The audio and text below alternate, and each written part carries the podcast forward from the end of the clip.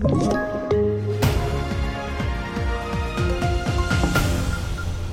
TV4-nyheterna börjar i USA där spänningen nu stiger inför Donald Trumps presskonferens i Mar-a-Lago där han förväntas tillkännage att han ställer upp i valet om två år.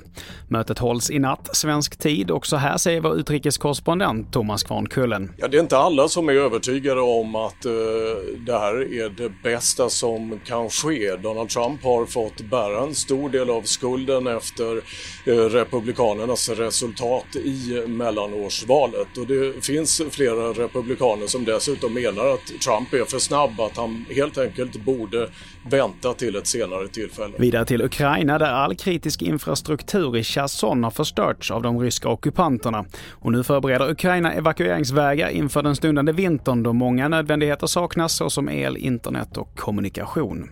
Situationen för de boende förvärras också av minorna som de ryska styrkorna lämnat efter sig. Senast igår dödades fyra personer av en mina. Och reporter här var TV4s Susanna Edling.